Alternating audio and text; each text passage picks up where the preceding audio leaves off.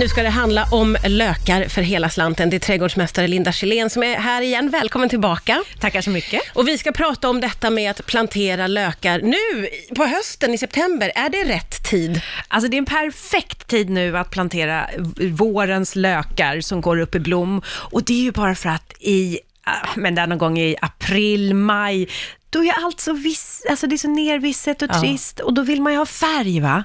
Och det får vi ju om vi är duktiga nu och sätter de här lökarna i Ja, jorden. precis. För det är de som brukar komma upp först och vara de första små liksom, Ah. ljusglimtarna som Ja. man får. Men om man, eh, och det- vill man ju, det här Det vill man man. ju, det hör man ju Ja. direkt att man vill ha eh, så vackert på våren. Vad ska man tänka på då om man ger sig ut i trädgården, låt oss säga? Mm. Eh, Ja, först och främst ska du hitta platsen. Ja. Och det är inte alltid lätt om man har fullproppade rabatter med perenner och annat och så Nej, sätter man ner spaden och så bara, nej, här, fanns det inte plats. Och då kanske man får välja att plantera under en, sin häck istället. Jag har en spireahäck som, har, som har växer och på våren innan den går i blom, då har jag planterat eh, lökar där under. Ah. Och det är så, så vackert. Ja, för det där är ju också det man är ute lite grann efter, att det ska liksom poppa upp nästan lite Ja, var som var som helst, lite helst, så ja. otippat. Ja. Kan man sätta dem på gräsmatta? Ja, kan man göra det? gräsmattan är alldeles utmärkt att sätta. I, I en gräsmatta passar liksom balkansippa, vårstjärna, vintergäck.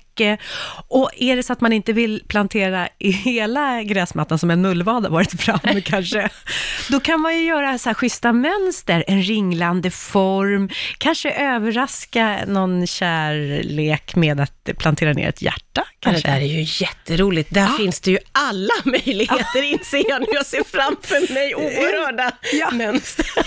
Du är konstnärlig Martina. Jätteroligt. Eh, det finns ju ett problem som jag själv har... Jag måste vara ärlig och säga att jag slutade plantera lökar för många år sedan. För att när jag hade gjort det, lagt mycket pengar på lökar och stoppat ner dem i marken, då kom rådjuren och käkade upp varenda lök, så jag fick aldrig någon vacker vårblomma. Nej. Vad finns det, eller finns det några knep? Ja, det gör det. Och knepet är att satsa på lökar vars fröhus sitter under kronbladen. Och det här låter eh, kanske krångligare än vad det är, men till exempel narcisser. Ja. Ja, de har Alla sitt, känner till. Alla till, känner. Ja. Påskliljor, pingstliljor. Ja. ja. De låter rådjuren vara i fred. Och det finns massa dekorativa sorter. Alla är inte knallgula om man tycker att det är sådär. Det finns nära aprikosfärgade och sådana här mindre små eh, sorter som heter... Ja, som är så pyttesmå. Pyttesmå, Ja, de ser ut som pussmunnar. Ja, ja. Och sen har vi ju även snödropparna.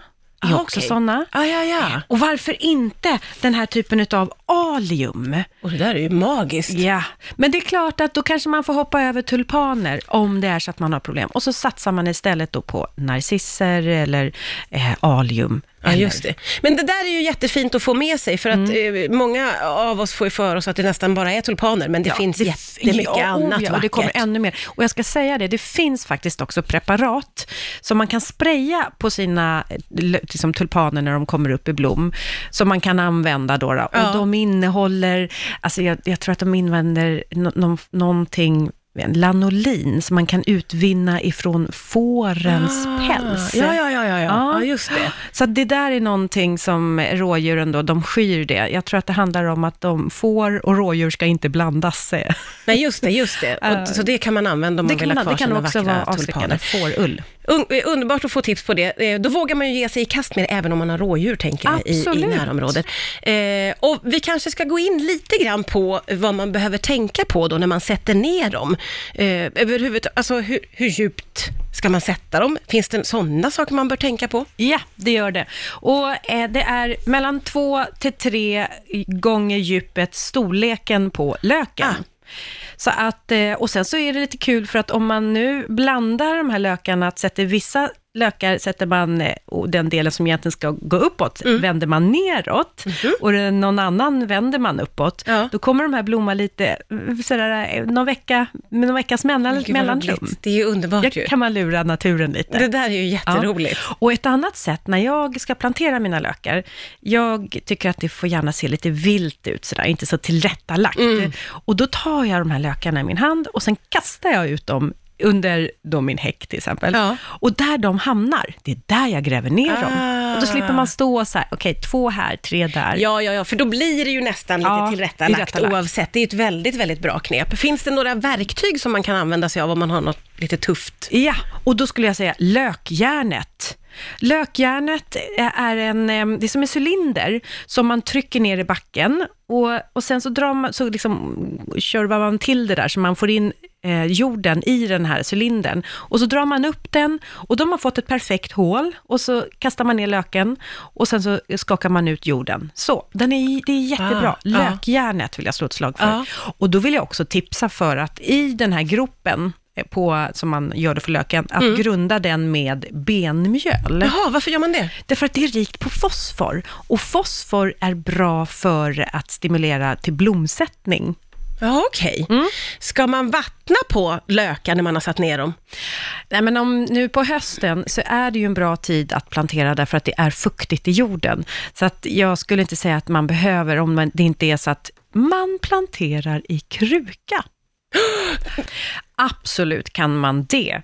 Och när man sätter eh, lökar i kruka, jag skulle vilja tipsa om att man gör som en löklasagne. Oj! Ja, och då planterar man de här lökarna i lager, så att de här största lökarna lite längst ner och sen så tar man då ju mindre storlek ju högre upp. Ja. Då då. Och då får man ju en, en härlig blandning, inte bara en sort utan kanske tre olika sorter. Men när man planterar i kruka så eh, bör man plan- placera den här krukan som ska vara frosthålig, eh, frostfritt. Och någon, alltså inte varmare än 5 till 8 grader. Och sen så får den stå där under hela vintern. Ja. Man vattnar då, när man har satt ner lökarna, då kan man vattna. Sen ställer man undan den här frostfritt. Mm. Och sen så när de börjar titta upp små gröna blad, Mm. då tar man fram den här i solen. Ah, gud vilken eh, härlig idé också där med löklasagnen älskar jag ju. Ja. Och att man får olika. Det var ju Ja. väldigt, väldigt uppmuntrande, måste jag säga. Jag gör som så att, jag har ju mitt växthus hemma och där inne odlar jag tomater nu. Och nu när tomaterna har gjort sitt så klipper jag ner tomaterna, men jag tömmer inte de här krukorna på jord, utan den där jorden, där pillar jag ner lite olika lökar. Och sen så på våren, så där de tittar upp då, det gör de ganska tidigt inne i växthuset, då använder jag mig av de här lökarna som kommer upp och gör buketter utav. Och sen när de har gjort sitt, då byter jag ut den här jorden och så planterar jag nya tomater där i. Ja, det är klart du krämar ut det mesta Ja, det naturligtvis. Du har ju några favoriter och några bra Mm. tips med dig här faktiskt på, på lökar. Ja, alltså jag tycker så här, har man svårt att kombinera olika löksorter, då skulle jag säga, välj de här färdiga mixarna som finns. Och det finns olika, jag menar, de har lite roliga namn också, Hero in Love eller Oj. Be My Honey. Ja. Ja. och då får du lite av varje. Man lite av varje. Och just den här, den här blandningen Be My Honey är ju väldigt trevligt, därför att den lockar då också till sig mat för humlor. Ah. Så det är olika typer av pollinatörsväxter. Men sen tycker jag också, om vi inte bara pratar tulpaner, så tycker jag de här mörka klockliljorna är liksom väldigt raffinerade i sina färger. De är liksom mörkt, kallt, lila, liksom så här på höga stänglar. De ser väldigt maffiga ut får man ju säga. Och sen finns det de här lite mindre då som heter grå klocklilja. Och sen har jag en favorit och det är pingstliljan plenus, Jaha. heter den. Ja, det är en vitblommande, den ser nästan ut som en vitblommande magnolia. Ja, det gör den. Du hålla upp en bild här nu och det ser inte ut som en vanlig pingstlilja alls. Och det här är ju en, en gammal sort, den är alltså odlats i Sverige sedan 1600-talet. Och vet du vad som är grejen med den här? Vad är grejen? Den, den doftar ljuvligt. Ja, den är väldigt, väldigt vacker, Ja, också. vacker också. Så himla fin. Vilka otroligt bra tips. Nu är det bara att inhandla lökar och ut och plantera för oss alla här egentligen. Absolut. Tusen tack Linda Kjellén för att du kom hit idag.